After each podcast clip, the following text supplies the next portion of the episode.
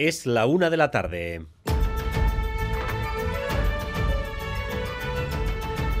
Crónica de Euskadi con Dani Álvarez. A Rachaldeón, primer punto de atención ahora mismo en las carreteras, porque hemos tenido una mañana de tiempo muy revuelto que ha causado varios accidentes y problemas para circular. ¿Cómo están las cosas? ¿Cómo se circula ahora mismo? Xavier Madariaga desde la unidad móvil de Radio Euskadi, Rachaldeón. Arrachaldeón Bay, pues hay tres accidentes ahora mismo a tener en cuenta en la AP68 por la que circulamos, salida al Tube, dirección Gasteiz.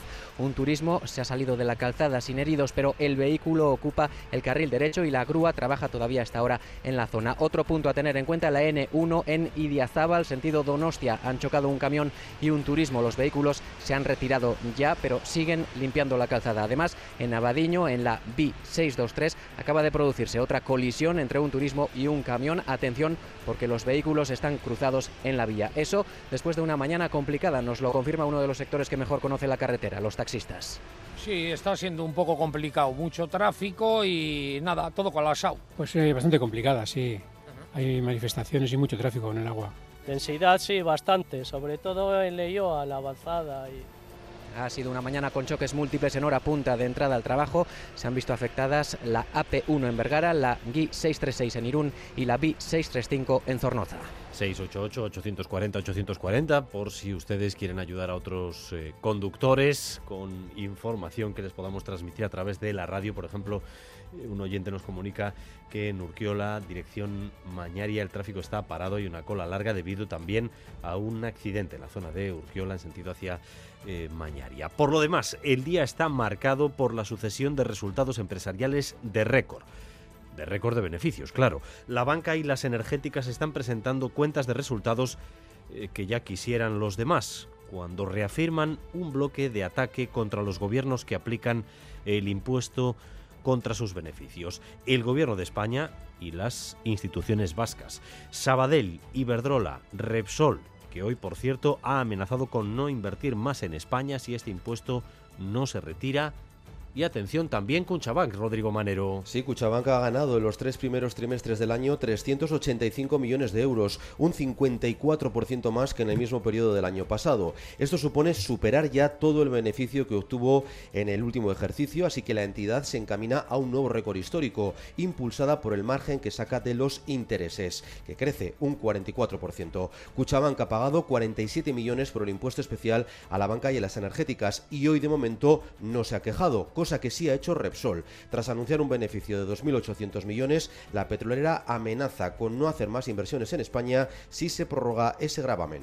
Las instituciones vascas reconocerán a otras 66 víctimas de motivación política, víctimas causadas por agentes de la policía o grupos de extrema derecha, entre ellas Joshi Zabala y Manuel Manterola. Así lo recoge el tercer informe de la comisión que valora estos expedientes. Propone reconocer a Joshi Zabala como víctima de la violencia policial, un caso que se cataloga como de muerte tras secuestro, desaparición forzada, torturas y asesinato. Mismo caso que el de José Anlasa, que por una cuestión de plazo se resolverá más adelante. La comisión presentará el lunes este informe en el Parlamento Vasco y con estas 66 serán ya 147 las víctimas de abusos policiales y de grupos de extrema derecha reconocidas oficialmente.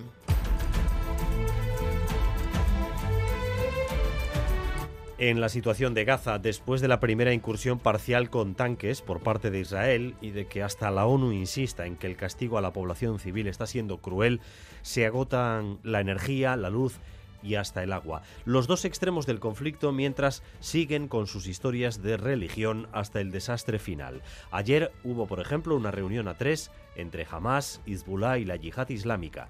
Y hace unas horas, discurso al país de Netanyahu prometiendo a la gente que se va a cumplir la profecía de Isaías. Nosotros somos el pueblo de la luz, ellos son el pueblo de las tinieblas, y la luz triunfará sobre las tinieblas.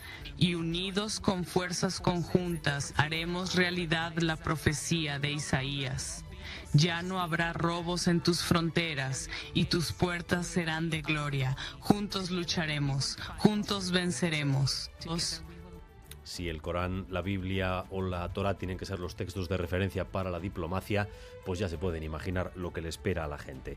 Y en Estados Unidos, en el estado de Maine, otro hombre armado ha matado a una veintena de personas, que podrían ser más porque la policía todavía no ha podido capturarle, Oscar Pérez. Se llama Robert Carr, tiene 40 años, había sido miembro de las Fuerzas Armadas, ahora mismo en la reserva, es además instructor de armas y según algunos medios con un historial de enfermedad mental. Incluso el pasado verano estuvo ingresado según la prensa norteamericana. Esta madrugada, armado con un rifle automático, ha disparado en una bolera y un pub de la localidad de Livingston, en el estado de Maine, matando a 22 personas, aunque es una cifra no oficial. Habría además docenas de heridos. is considered armed and dangerous. Carr está armado y es peligroso. Tenemos a cientos de policías en todo el estado de Maine trabajando en la investigación, ha dicho el jefe de policía, que ha instado a los vecinos de varios barrios a bajar las persianas y permanecer en casa. En lo que va de año se han producido 565 tiroteos masivos en Estados Unidos. El de esta noche sería el octavo que más víctimas ha provocado en la historia norteamericana. La obra del artista er-, Esther Ferrer, titulada Números Primos, se ha trasladado al Museo Artium. Desde hace dos décadas, esa obra se encontraba en el Parque del Prado de la ciudad y había sufrido un importante deterioro. Tras su recuperación, ya se puede, por tanto, visitar en la plaza interna de Artium. Así que la artista muestra su satisfacción por la recuperación de esta obra, Esther Ferrer. Siempre pasa lo mismo, ¿no? En un momento determinado nadie le importa lo que haces y en un momento determinado haces algo en alguna parte y de repente a la gente le ve y resulta que les interesa. ¿Eh? Bueno, es mi caso. O sea que gracias a todo el mundo por haber hecho posible esto, que para mí ha sido muy importante. Y vamos también con lo más destacado del deporte, con Álvaro Fernández Cadierno, a Rachaldeón, Álvaro. Daniel Rachaldeón, pendientes de Joan Peñarroya en el Vasconia, quien algunos sitúan incluso ya fuera del club. El técnico catalán ha pedido respeto para la figura del entrenador. Además, las últimas horas nos han dejado una doble victoria en Europa, la de Bilbao Basket en la FIBA Europe Cup ante el Sibiu rumano y la de Lointe en la Eurocup ante el Sosonoviec de Polonia. Y en balonmano, Vera Vera ha presentado a su nuevo fichaje la extremo Lidia Blanco. Empezábamos hablando del tráfico y del tiempo con esta mañana verdaderamente desapacible que hemos tenido. Eh, con el paso de las horas va a ir retirándose el frente que nos ha dejado estas lluvias. Irán remitiendo, por tanto, los eh, chubascos y también el fuerte viento. Las temperaturas en los 17 grados ahora mismo en Bilbao, 16 en Donostia, en Pamplona o en Bayona, 14 grados en Vitoria-Gasteiz. Gracias un día más por elegir Radio Euskadi y Radio Vitoria para informarse. Raúl González y José Ignacio Revuelta se encargan de la dirección técnica, María Cereceda de la coordinación. Crónica de Euskadi con Dani Álvarez.